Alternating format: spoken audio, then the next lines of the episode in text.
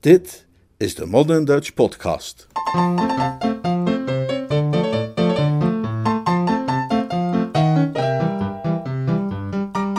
Jeeves is uniek.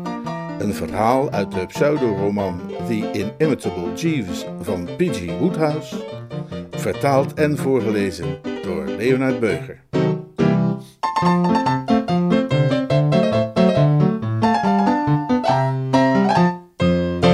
Tante Agatha raakt uitgeteld. Ik neem aan dat iemand die echt heel fijngevoelig is en dat soort dingen meer, best wel een beetje hartzeer zou hebben ervaren nadat de huwelijksplannen van die brave bingo de mist waren ingegaan. Ik bedoel, als ik een edele natuur had bezeten, zou het me werkelijk verdriet hebben gedaan. Maar op de een of andere manier heb ik het me, moet ik zeggen, niet echt heel erg aangetrokken. Nu hielp het daarbij natuurlijk wel dat ik onze jonge vriend nog geen week nadat hij het slechte nieuws had gekregen in Ciro's nachtclub zag dansen als een jeugdige gazelle. Een veerkrachtig type, die bingo. Hij krijgt dan wel veel klappen, maar hij blijft altijd overeind. Zolang die affaires van hem duren, gaat hij er oprecht helemaal in op. Maar zodra de lont gedoofd is en zo'n meisje hem de deur gewezen heeft met het verzoek haar het genoegen te doen zich nooit meer te vertonen, is hij meteen ook weer net zo vrolijk en opgeruimd als altijd. Ik heb dat ik weet niet hoe vaak zien gebeuren.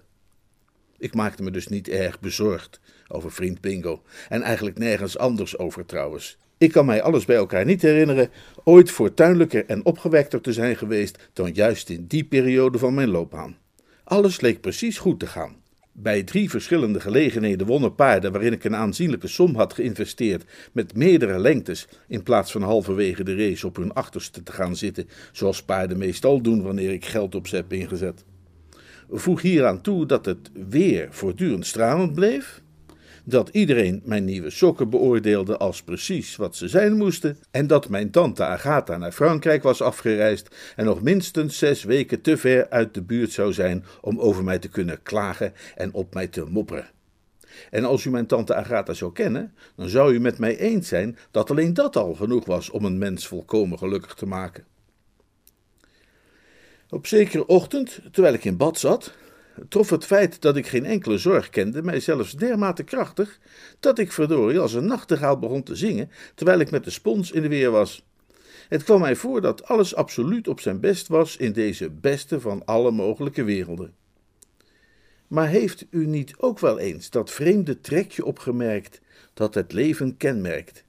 Ik doel op het feit dat altijd net wanneer je helemaal opgetogen bent over de wereld in het algemeen, het leven je zo nodig weer een klap in de nek moet geven. Ik had mijn gereinigde ledematen nog niet afgedroogd en een keurig pak aangetrokken. Ja, ik kwam nog nauwelijks de woonkamer binnen, of die klap was al gevallen. Op de schoorsteen stond een brief van tante Agatha. O jemig, zei ik toen ik die had gelezen. Nee, zei Jeeves, die op de achtergrond een of ander klusje aan het doen was. Hij is van tante Agatha Jeeves, Mrs. Gregson, weet je wel. Ja, meneer. Ha! Jij zou niet op die lichtvoetige, onbezorgde toon spreken als jij wist wat erin stond, zei ik met een holle, vreugdeloze lach. De vloek rust op ons, Jeeves. Ze wil dat ik naar haar toe kom, daar in, hoe heet dat verdomde oord? Uh, Roville-sur-Mer. Oh, zakkerlood. Ik kan dus maar beter gaan pakken, hè? Ja, dat vrees ik ook. Aan mensen die mijn tante Agatha niet kennen, vind ik het buitengewoon lastig om uit te leggen waarom zij mij altijd zoveel angst heeft weten in te boezemen. Ik bedoel, ik ben niet financieel of anderszins van haar afhankelijk. Het is eenvoudig een kwestie van persoonlijkheid, heb ik geconcludeerd. Tijdens mijn kindertijd, begrijpt u, en toen ik nog op school zat, kon ze mij altijd al met een enkele blik binnenste buiten keren. En ik heb daar nog altijd niet helemaal aan kunnen ontsnappen. Wij worden allemaal nogal lang in onze familie. En van tante Agatha is er dan ook zo'n 1,90 meter, compleet met haviksneus, arendsoog en een massa grijs haar. Het totaal-effect is behoorlijk angstaanjagend. Hoe dan ook, het kwam geen moment in me op om haar bij deze gelegenheid af te poeieren. Als zij zei dat ik naar Roville moest komen, dan was dat een feit en moest ik alleen nog even kaartjes kopen. Waar gaat dit om, Jeeves? Ik vraag me af wat ze van me wil. Ik zou het niet kunnen zeggen, meneer. Tja, Het had geen zin om het er verder nog over te hebben. Het enige sprankje van troost, het enige stukje blauw tussen de wolken, was het feit dat ik in Roville tenminste die toffe kummerbund zou kunnen dragen, die ik een half jaar geleden had gekocht, maar die ik nooit had durven omdoen. U weet wel, zo'n zijde geval dat je om je middel bindt in plaats van een vest, een beetje zoals een sjerp, maar dan een stuk uh, substantiëler. Ik had tot nog toe nooit de moed kunnen opbrengen om het ding om te doen, want ik wist dat ik gedoe zou krijgen met Jeeves als ik dat deed, omdat hij nogal sprankelend rood van kleur was. Maar het leek me dat in een plaats als Roville, waar de Franse uitbundigheid en joie de vivre er waarschijnlijk vanaf droop, ik het er misschien wel op kon wagen. Roville, waar ik s'morgens vroeg aankwam na een gruwelijk ruige overtocht en een nacht in een schokkende trein, bleek een alleraardigste plek waar een mens die geen last heeft van hinderpalen in de vorm van tantes best een heel aangename week zou kunnen doorbrengen. Het bestaat net als al die andere Franse stadjes voornamelijk uit strand, hotels en casino's. Het hotel dat de pech had om mijn tante Agatha onder zijn cliëntele te rekenen, was het Splendide. En tegen de tijd dat ik daar arriveerde, was er geen enkel staflid dat daar niet zichtbaar onder leed. Ik voelde met hen mee. Ik had mijn tante Agatha al eerder meegemaakt in hotels. Het echte zware werk was natuurlijk al achter de rug toen ik aankwam, maar aan de manier waarop iedereen voor haar kroop, kon ik zien dat ze begonnen was met haar eerste kamer te willen omruilen omdat die niet op het zuiden lag, en de volgende omdat de kastdeur er kraakte, en dat ze aansluitend onbeschroomd en ongezouten het hare had gezegd over de keukenstaf, de bediening en de wijze waarop de kamermeisjes hun werk deden, alsmede alle andere aspecten van de bedrijfsvoering. Ze had inmiddels het complete personeelsbestand keurig onder controle. De bedrijfsleider, een mannetje met reusachtige bakkenbaarden, die er een beetje uitzag als een struikrover, wrong zich in alle mogelijke bochten zodra ze maar zijn kant op keek. Haar brede triomf had een griezelig soort minzaamheid bij haar gewekt en ze begroette me op bijna moederlijke wijze. Ik ben toch zo blij dat je kon komen, Bertie, zei ze. De zeelucht zal u goed doen. Dit is zoveel gezonder voor je dan maar rond te hangen in die muffe Londense nachtclubs. Oh, ah, zei ik. En je zult hier ook zulke prettige mensen ontmoeten. Ik wil je heel graag voorstellen aan een Miss Hemingway en haar broer, met wie ik bijzonder bevriend ben geraakt. Ik weet zeker dat Miss Hemingway je buitengewoon zal bevallen.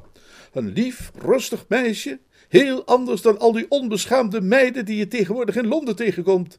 Haar broer is predikant in Chipley and the Glen in Dorsetshire. Hij vertelde me dat ze verwant zijn aan de Hemingways uit Kent. Hele goede familie. En zij is echt allercharmantst. Ik kreeg een angstig voorgevoel, alsof een sombere dreiging zich aankondigde. Al die lovende woorden waren zo helemaal niet tante Agatha, die normaal gesproken bekend staat als een van de meest bittere cynici in de Londense society-kringen. Een klammig gevoel van achterdocht deed zich aan mij voor. En ja hoor, ik kreeg gelijk. Aline Hemingway, zei tante Agatha, is nu precies het soort meisje waarvan ik graag zou zien dat jij er een trouwde, Bertie. En dat is ook beslist iets waar jij eens over zou moeten gaan nadenken, het huwelijk. Als jij zou trouwen, zou er misschien nog best iets van je terecht kunnen komen. En ik zou geen betere vrouw voor je kunnen wensen dan die lieve Eline. Ze zou zo'n geweldige goede invloed op je kunnen hebben. Ja, ja, ja, maar ho, ho zeg, wierp ik er op dat moment tussen, verkeeld tot in het beenmerg. Bertie, zei tante Agatha, terwijl ze haar moederlijke houding weer even losliet en mij een kille blik toewierp.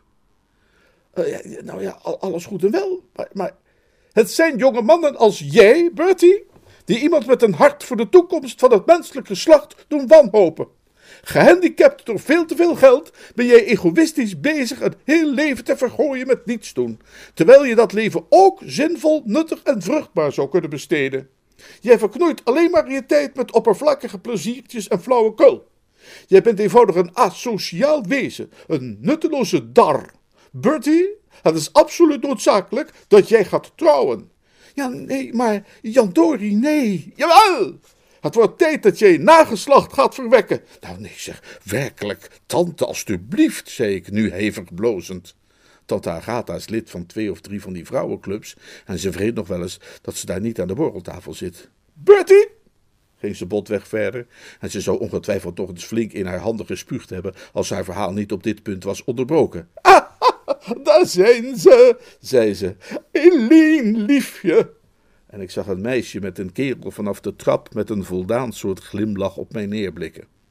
Mag ik jullie voorstellen aan mijn neef Bertie Woester? zei tante Agatha. Hij is zojuist aangekomen. Wat een verrassing! Ik had geen idee dat hij van plan was naar Roville te komen. Ik bekeek het stel met wat achterdochtige blik, want ik voelde me als een kat te midden van een roedel honden. Het gevoel in een val te zijn gelopen, u kent dat wel. Een stemmetje van binnen fluisterde mij toe dat Bertram het voor zijn kiezen ging krijgen. De broer was een klein rond manneke met een uitgesproken schaapachtig gezicht.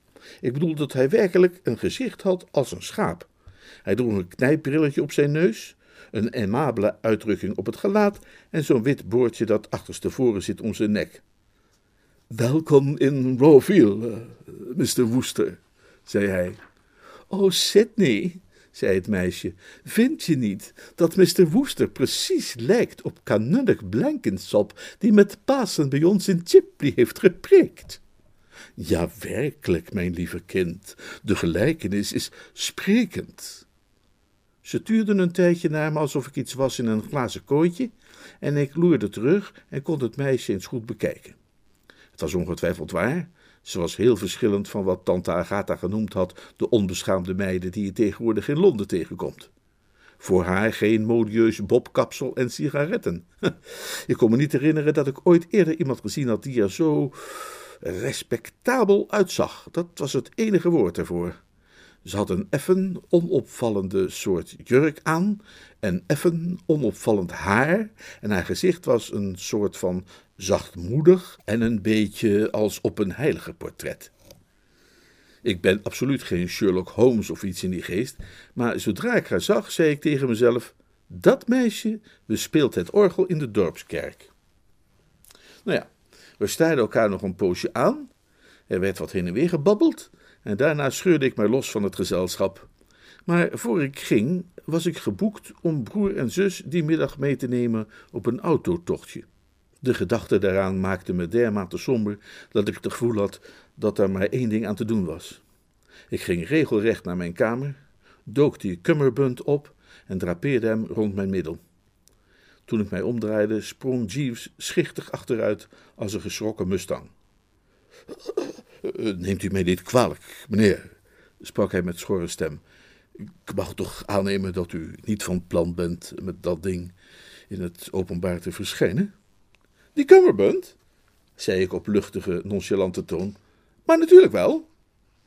Ik zou het niet willen aanbevelen, meneer. Werkelijk niet. Waarom niet? Het effect, meneer, is extreem luidruchtig. Ik ging er echt tegenin. Ik wil maar zeggen, niemand weet beter dan ik dat Jeeves een meesterbrein bezit en al dat soort dingen. Maar verdorie, een mens moet toch zijn eigen baas zien te blijven. Hm? Men moet onder geen bedingde slaaf worden van zijn eigen persoonlijke bediende. Bovendien, ik voelde mij behoorlijk beroerd en het enige waarvan ik wat op zou kunnen knappen was die kummerbund. Weet je wat met jou het probleem is, Jeeves? zei ik.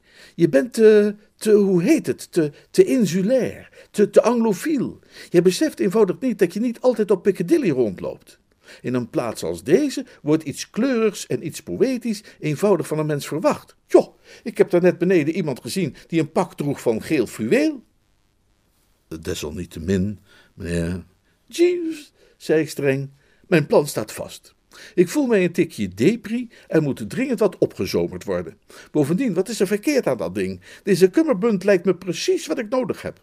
Een beetje een Spaans effect heeft het, als je het mij vraagt. Het suggereert iets van de Hidalgo. Hè?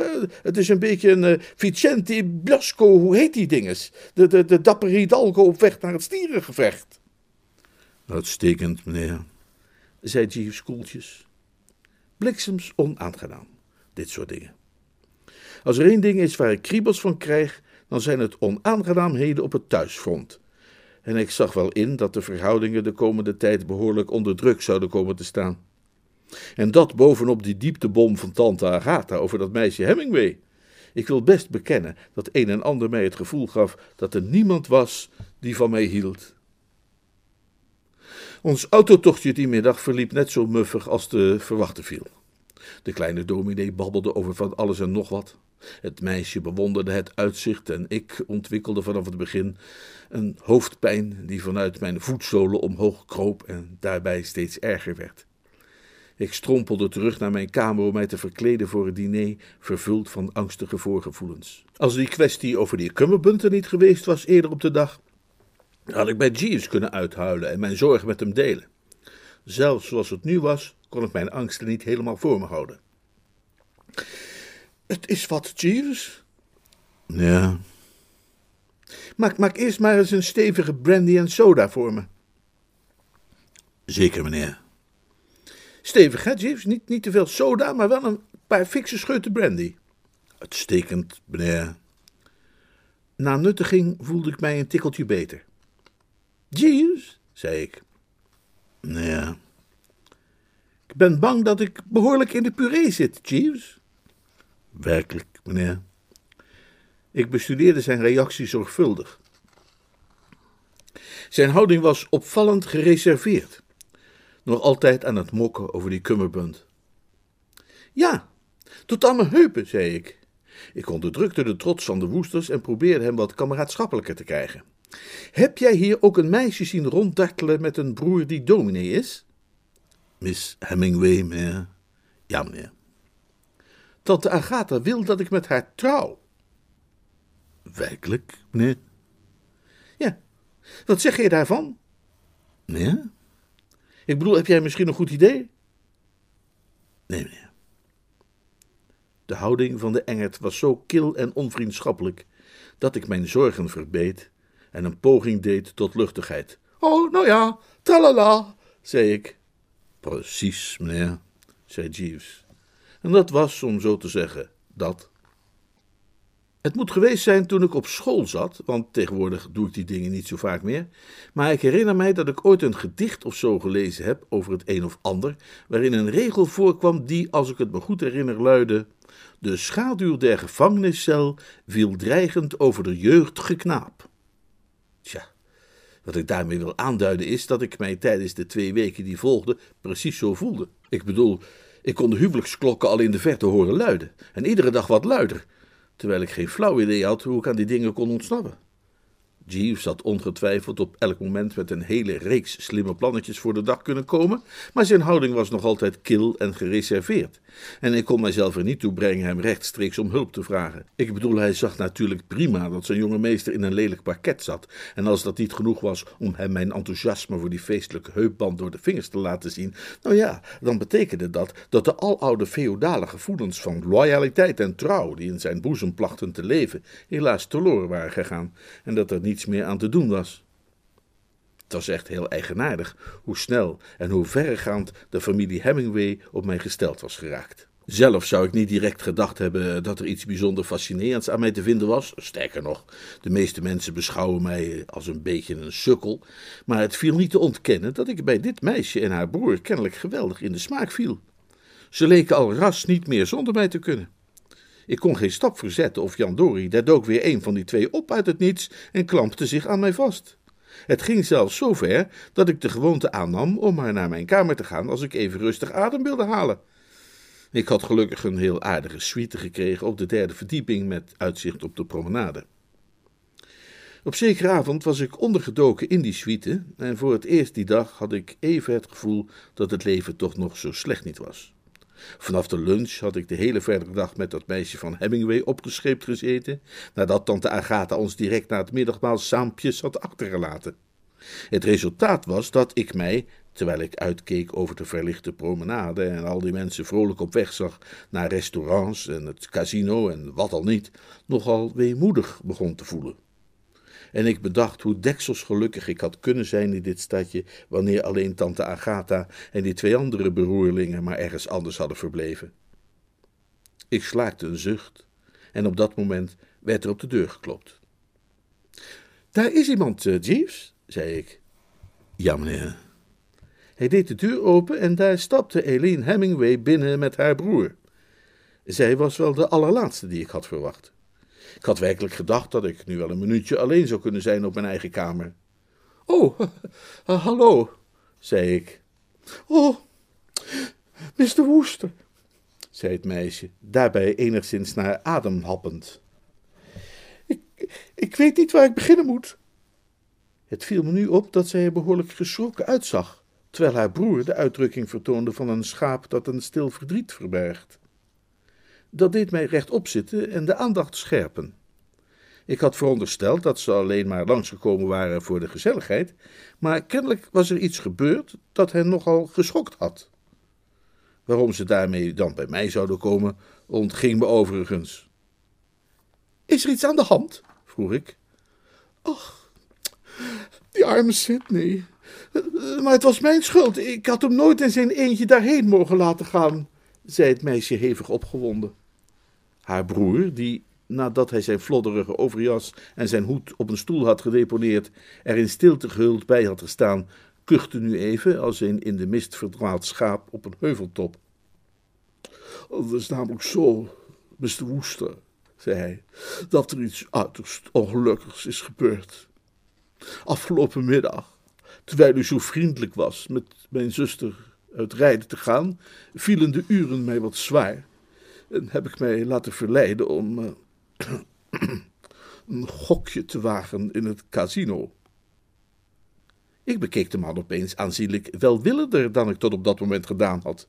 Dit bewijs van het feit dat er spelersbloed door zijn aderen stroomde, deed hem mij een stuk menselijker voorkomen, moet ik zeggen. Als ik eerder geweten had dat hij in was voor dat soort dingen, hadden we het misschien een stuk gezelliger gehad. Zo, zei ik, en, zo gehad? Hij zuchtte zwaar.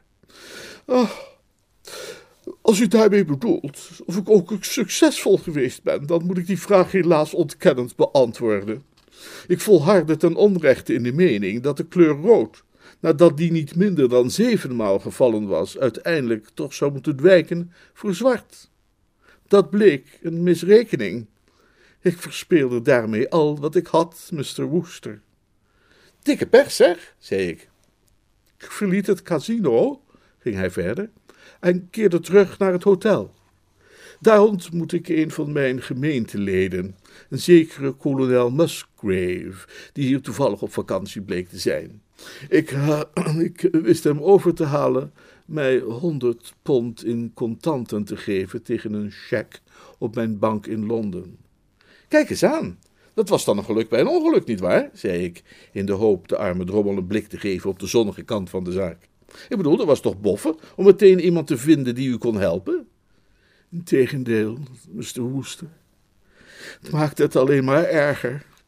Ik gloei van schaamte om het te moeten bekennen, maar ik ben met het geld onmiddellijk teruggegaan naar het casino en heb ook die gehele som verspeeld. Ditmaal onder de valse veronderstelling dat zwart, naar ik meen dat de uitdrukking luidt, aan een beurt toe was. Nee, maar, zei ik, dat was toch zo'n avondje uit.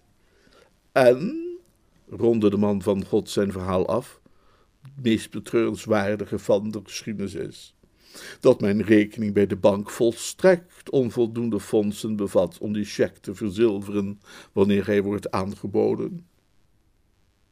Hoewel ik intussen wel begon te beseffen dat dit allemaal ging uitlopen op een bedelpraatje en dat mijn portemonnee gegarandeerd ging worden aangesproken, geef ik graag toe dat mijn hart toch wel klopte voor die arme sukkel. Ja, ik, ik staarde hem zelfs met belangstelling en bewondering aan. Nooit eerder had ik een dominee ontmoet die zo goed van wanten wist. Hij mocht er dan niet uitzien als een van de jongens van de gestampte pot. Hij was toch kennelijk wel iemand om mee uit vissen te gaan. En ik wilde eigenlijk dat hij mij deze kant van zijn karakter wat eerder had laten zien. Kolonel Musgrave, ging hij verder, even moeizaam slikkend, is niet een man die gemakkelijk over zoiets heen kijkt. Hij is een hard man. Hij zal dit ongetwijfeld rapporteren bij de voorzitter van de kerkenraad. Ook de voorzitter van de kerkenraad is een hard man. Kortom, Mr. Woester, wanneer kolonel Musgrave die cheque bij mijn bank ter verzilvering aanbiedt, ben ik geruïneerd en morgen vertrekt hij naar Engeland.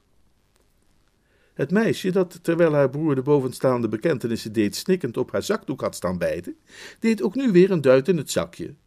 Meester Woester, riep zij uit, wilt u ons alstublieft, alstublieft niet helpen? O, zeg dat u dat wel wilt. wij moeten voor negen uur aan dat geld zien te komen om die cheque van kolonel Musgrave terug te kunnen krijgen, want hij vertrekt met de trein van negen uur twintig. Ik was ten einde raad, totdat ik mij herinnerde hoe vriendelijk u steeds voor ons bent geweest. Oh, Mr. Woester, wilt u Sidney dat geld niet lenen en dit hier als onderpand nemen? En voor ik wist wat ze deed, greep ze in haar tas, haalde er een zwart etui uit tevoorschijn en klapte het open. Mijn parels, zei ze. Ik weet niet wat ze waard zijn, maar ze waren een geschenk van mijn lieve vader. Die thans helaas is overleden, kwam broerlief er even tussen. En ik ben er zeker van dat ze veel meer waard zijn dan het bedrag dat we nodig hebben. Bliksems gênant. Ik voelde me gewoon een pandjesbaas. Alsof ze opa's gouden horloge naar de lommerd kwam brengen. Maar nee zeg, werkelijk, protesteerde ik. Een onderpand is niet nodig hoor. En dat soort dingen. Ik, ik leen het jullie maar al te graag. Ik heb het bedrag zelfs op zak toevallig. Dat heb ik vanmorgen gelukkig net opgenomen. Ik hengelde de biljetten tevoorschijn en schoof ze over de tafel. De eerwaarde schudde zijn hoofd. Mr. Woester, zei hij, wij stellen uw gulhartigheid grotelijks op prijs en het magnifieke, hartverwarmende vertrouwen dat u in ons toont, maar wij kunnen dit niet toestaan. Wat niet bedoelt, zei het meisje, is dat u feitelijk niets van ons weet, wanneer je er goed over nadenkt. U moet niet het risico willen lopen al dat geld zonder onderpand of zekerheid uit te lenen aan twee mensen die wel beschouwd vrijwel vreemdelingen voor u zijn. Als ik niet had verondersteld dat u er strikt zakelijk mee zou omgaan, zou ik het nooit gewaagd hebben naar u toe te komen. De gedachte om deze parels te, te verpanden bij de plaatselijke Mont de Piété eh, stuit ons tegen de borst, zoals u uh, direct zult begrijpen, zei de broer. Als u mij alleen voor de vorm een reçu zou willen geven? Oh, maar natuurlijk. Ik schreef een reçuutje en gaf het haar met een ongemakkelijk gevoel.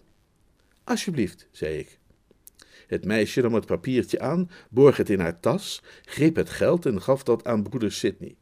En toen, voordat ik wist wat er gebeurde, schoot ze op me af, kuste me en snelde de kamer uit.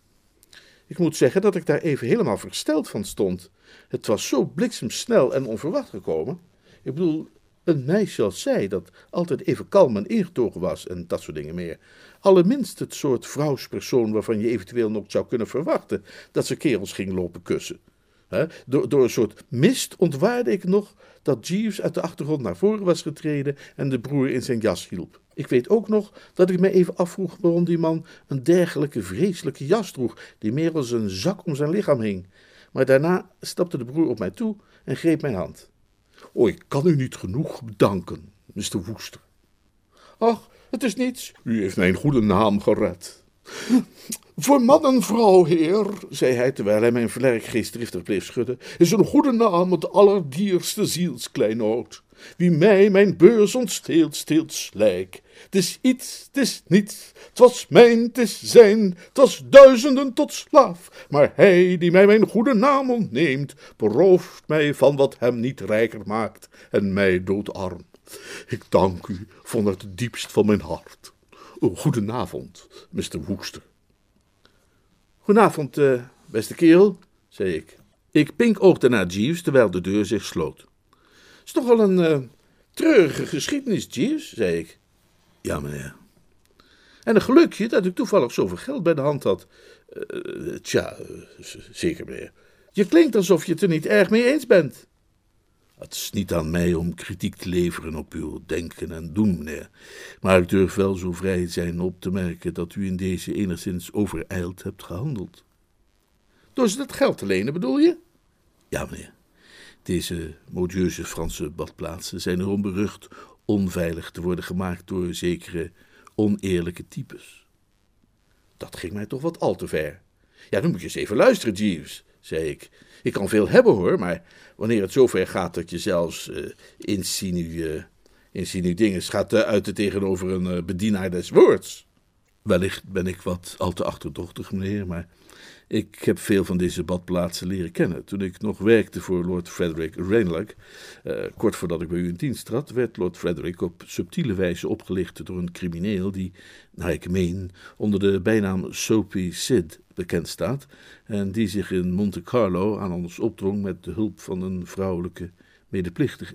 Ik ben de omstandigheden van die episode nooit vergeten. Ja, ik wil me niet mengen in je memoires, Jeeves, zei ik op koele toon, maar je kletst uit je nek. Wat kan er nu mis geweest zijn aan deze transactie? Ze hebben de parels immers bij mij achtergelaten. Nou dan, hè? je moet eerst nadenken voordat je wat zegt. Loop trouwens maar liever even met die dingen naar de balie en vraag of ze ze in de safe willen leggen. Ik pakte het etui en deed het open. Oh, grote goden! Dat verdomde ding was leeg. Oh, goeie genade, zei ik en staarde naar dat lege etui. Ga me nu niet vertellen dat er dus toch een vuil spelletje is gespeeld. Precies, meneer. Het was op exact dezelfde wijze dat Lord Frederick werd beroofd bij de gelegenheid waarnaar ik verwees. Terwijl zijn vrouwelijke medeplichtige Milord dankbaar omhelsde, uh, verwisselde Soapy Sid het etui met de parels voor een leeg exemplaar en ging hij er vandoor met de parels, het geld en het reçu. Op basis van het reçu eist hij vervolgens de teruggave van de parels, die Lord Frederick hem niet kon leveren, waarop deze zich gedwongen zag een groot bedrag te betalen ter compensatie. Het is een simpele, doch effectieve truc. Ik voelde me alsof de bodem met een ruk onder me werd weggetrokken. Soapy Sid? Sid? Sidney! Broeder Sidney! Goeie hemel, Jeeves, denk jij dat die dominee Soapy Sid was? Ja, meneer. Ik herkende hem zodra hij de kamer binnenkwam. Ik staarde de akelige kerel aan. Jij had hem herkend? Ja, meneer. Maar potjan Tony, zei ik geschokt, dat had je dan wel even mogen vertellen. Het leek mij dat ik onaangenaamheden en gedoe zou kunnen voorkomen wanneer ik eenvoudigweg het juiste etui uit Smans zak zou halen, terwijl ik hem in zijn jas hielp, eh, meneer. Hier is het. Hij legde een tweede etui op tafel naast het lege exemplaar en Jan Doris waren niet uit elkaar te houden. Ik deed het open en daar lagen de parels mij glanzend en wel toe te lachen. Ik staarde Jeeves zwakjes aan. Ik voelde mij een beetje verlegen. Jeeves, zei ik, je bent een absoluut genie. Ja, meneer. De opluchting overviel me nu met grote brokken tegelijk. Dankzij Jeeves zou ik geen duizenden Pietermannen hoeven op te hoesten. Het ziet er naar uit dat je huis en haard weer eens gered hebt. Ik bedoel, zelfs een doorgewinterde boef als onze Sid zal wel niet zo brutaal zijn deze kraaltjes terug te komen vragen. Ik zou inderdaad denken van niet, meneer. In dat geval. Maar, oh, je denkt toch niet dat deze parels namaak zijn? Nee, meneer. Dit zijn authentieke wilde parels en buitengewoon kostbaar. Wel verdraaid, dan zit ik dus op fluweel, absoluut met mijn billen op het pluche. Dat grapje heeft me dan wel honderd piek gekost, maar ik heb een schitterend parelsnoet voor teruggekregen, waar of niet? Niet, zou ik zeggen, meneer. U zult het collier moeten teruggeven. Wat? Aan Sid? Van mijn levensdagen niet? Nee, meneer, aan de rechtmatige eigenaar. Maar wie is de rechtmatige eigenaar? Mrs. Gregson, meneer. Wat? Hoe weet je dat? Een uur geleden was het hele hotel in rep en roer omdat de parels van Mrs. Gregson waren ontvreemd. Vlak voor u terugkwam stond ik te praten met Mrs. Gregson's dienstmeisje en zij vertelde me dat de hotelmanager op dit moment in Mrs. Gregson's suite is. Ik vrees dat dat bezoekje hem nog lang zal heugen, wat denk jij? Ik kan me inderdaad niet anders voorstellen. Ja. De situatie begon me inmiddels duidelijk te worden. Ik ga die parels dus nu aan haar teruggeven, toch? Dat, dat, dat gaat mij vast punten opleveren. Zeer juist, meneer. Uh, als ik u dat mag adviseren. Het lijkt mij verstandig het feit te benadrukken dat ze gestolen werden door. Goeie genade, ja! Door diezelfde verdomde meid met wie ik van haar zo nodig moest trouwen. Jan Tory. Precies, meneer. Jeeves, zei ik, dit wordt de hevigste schrobbering die mijn lieve tante ooit heeft meegemaakt vanaf het oerbegin. Dat lijkt mij niet onwaarschijnlijk.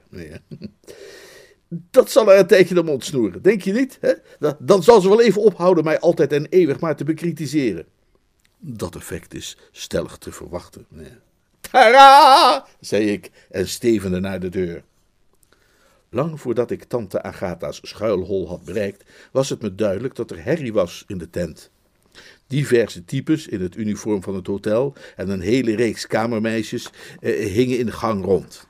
En dwars door de deur heen was er een hele selectie aan stemmen te horen met die van tante Agatha erbovenuit. Ik klopte aan, maar niemand schonk er aandacht aan, Dus ik druppelde naar binnen. Onder de aanwezigen merkte ik op een volstrekt hysterisch kamermeisje, tante Agatha met haar haar recht overeind en het mannetje met de bakkenbaarden dat eruit zag als een struikrover, de hotelmanager. Oh, hallo, zei ik. Hallo, hallo, hallo. Tante Agatha probeerde me weg te wuiven. Voor Bertram geen vriendelijke glimlach ter verwelkoming. Val me nu even niet lastig, Bertie, snauwde ze terwijl ze me aankeek alsof ik min of meer de laatste druppel was. Is er iets aan de hand? Ja, ja, ja, ik ben mijn parels kwijt. Parels? Parels? Parels, zei ik, is het heus? Dat is vervelend. Waar heeft u ze voor het laatst gezien? Ja, wat doet het er nou toe waar ik ze voor het laatst heb gezien? Ze zijn gestolen. Hier stapte koning Bakkenpaard, die even uit had lijken te puffen tussen twee ronden, weer in de ring en begon te ratelen in het Frans. Hij leek ernstig op de tenen getrapt. Het kamermeisje stond in een hoekje te jammeren. Weet u zeker dat u overal hebt gekeken? vroeg ik. Natuurlijk heb ik overal gekeken. Oh ja, weet u, ik ben regelmatig een boordenknoopje kwijt en... Wees dat niet zo doodvermoeiend, Bertie. Ik heb al genoeg aan mijn hoofd zonder die imbeciliteiten van jou. Houd, houd toch je mond, houd toch je mond, bulderde ze met een stem als een sergeant-majoor of van die lui die het vee naar huis roepen op de kwelders van de rivier de Die. En zo sterk was het magnetisme van haar krachtige persoonlijkheid dat koning Bakkebaard stilviel alsof hij tegen een muur was gereden. Het kamermeisje bleef echter jammeren. Zeg mensen, zei ik, volgens mij is er iets aan de hand met dat meisje hier. Staat ze niet te huilen of zo? Jullie hebben het misschien niet opgemerkt, maar ik ben zelf nogal opmerkzaam in die dingen. Zij heeft mijn parels gestolen, ik weet het zeker.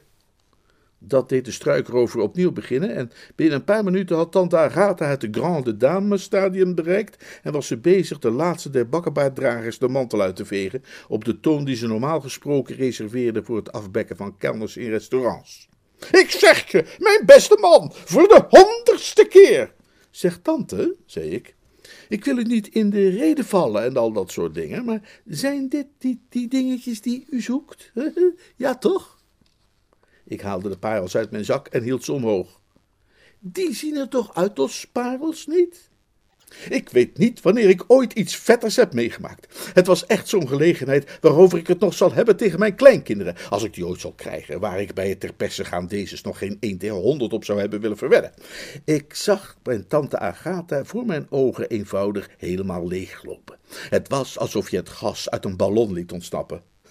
Waar, waar, waar, waar, rochelde ze. Ik heb ze van uw vriendin, Miss Hemingway. Zelfs nu snapte ze het nog niet. Van, van Miss Hemingway? Miss Hemingway? Maar, maar, hoe kwam zij daar dan aan? Hoe ze eraan kwam, zei ik wel, doordat ze ze simpelweg heeft gestolen, gepikt, gejat, achterover gedrukt. Omdat dat de manier is waarop zij haar brood verdient, potverdorie. Door zich op te dringen aan nietsvermoedende mensen in hotels en er vervolgens met hun juwelen vandoor te gaan. Ik weet niet wat haar nom de plume is, maar haar schurk van een broer, dat mannetje met zijn omgedraaide boordje, staat in kringen van misdadigers bekend als Soapy Sid. Ze knipperde met haar ogen. Miss Hemingway een dief? Ik, ik, ik.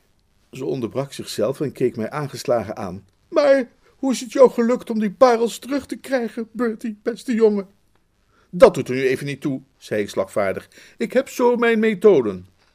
Ik trok mijn hele voorraad aan moed en manhaftigheid tevoorschijn, zei een schietgebedje en gaf haar vervolgens de volle laag, recht in de hartstreek.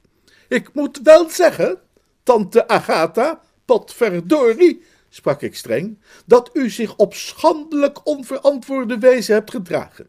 In iedere kamer van dit hotel hangt de gedrukte mededeling dat er een brandkast is in het kantoor van de bedrijfsleider, waar juwelen en andere waardevolle voorwerpen in zouden moeten worden opgeborgen. Daar bent u volkomen aan voorbij gegaan. En wat is daarvan het gevolg? De eerste, de beste dief die voorbij kwam, wandelde ongehinderd uw kamer binnen en pikte uw parels. En in plaats van ruiterlijk toe te geven dat het helemaal uw fout was, begint u die arme man daarover lastig te vallen. U bent zeer, zeer onrechtvaardig geweest tegenover de arme man. Ja, ja, kreunde de arme man. En dan dit ongelukkige meisje. Wat zegt u daarvan? Wat moet dat nu met haar? U hebt haar van diefstal beschuldigd, zonder ook maar het geringste bewijs. Volgens mij zou ze er goed aan doen een aanklacht in te dienen wegens, uh, hoe het heten mag. En, en een fikse schadevergoeding van u eisen. Maar wie, maar wie, c'est trop fort, riep de roverhoofdman die van harte achter mij stond, terwijl het kamermeisje belangstellend opkeek uit haar verdriet, alsof de zon door de wolken brak. Ik, ik, ik, ik zal uh, schadeloos stellen, zei tante Agatha zwakjes. Dat kunt u inderdaad maar beter doen, geloof me. En dan liefst nu meteen en niet te kinderachtig. Ze staat ijzersterk. Als ik haar was, zou ik met geen penny minder genoegen nemen dan twintig pop. Maar wat me nog het meest stoort, is de manier waarop u deze arme man hier ten onrechte hebt beledigd en geprobeerd hebt zijn hotel een slechte naam te bezorgen. Ja, vol blom is elke, riep opa Bakkerbaard uit. Je slonsik, oud vrouw. Je geeft mijn hotel slecht naam. Ja toch, of van niet dan? Morgen verlaat mijn hotel, grote schot. Meer teksten van gelijke strekking, allemaal sappig, dankbaar materiaal. Toen het tenslotte uitgesproken was, ging hij er vandoor, het kamermeisje voor zich uitduwend, die laatste met twee knisperende briefjes van tien in een ijzeren greep. Ik neem aan dat de struikrover en zij de buiten op de gang hebben verdeeld. Een Franse hotelmanager is zelden het type dat echt geld zomaar aan zich voorbij laat trekken, zonder zich in de herverdeling daarvan te includeren. Ik wendde mij vervolgens nogmaals tot tante Agatha, die op dat moment de houding bezat van iemand die, terwijl ze vredig maar liefjes aan het plukken was op de spoorbaan, onvoorziens de sneltrein van half zes in de onderrug had gekregen. Ik wil geen zout in de wonden wrijven, tante Agatha, zei ik koeltjes. Maar ik zou er alvorens te gaan toch wel even op willen wijzen dat het meisje dat uw parels heeft gestolen, het meisje is waarvan u al zolang ik hier ben er bij mij op heeft aangedrongen dat ik haar zou trouwen. Lieve hemel, beseft u wel dat als u uw zin had gekregen, ik waarschijnlijk kinderen zou hebben gekregen die me mijn horloge ontfutselden terwijl ik ze liet paardje rijden op mijn knie? Ik ben niet iemand die gewend is snel te zeuren, maar ik zou u toch wel graag willen zeggen dat u bij een volgende gelegenheid beslist een stuk voorzichtiger zou mogen zijn wanneer u mij weer mocht willen aansporen bepaalde vrouwen te trouwen. Ik wierp haar nog één blik toe, draaide mij om op mijn hielen en verliet het vertrek. De klok heet tien, het is een heldere nacht en alles is wel, Jeeves, zei ik nadat wij naar onze eigen vertrouwde suite waren teruggestoven. Ik ben blij het te vernemen. Ja. Misschien heb jij iets aan dit briefje van twintig, Jeeves? U verplicht mij ten zeerste, meneer. Ik bleef even stil.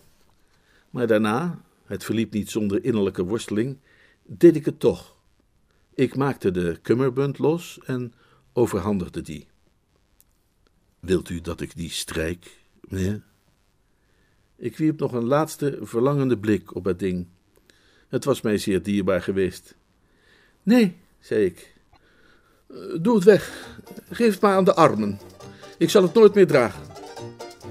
Dank u zeer, meneer, zei.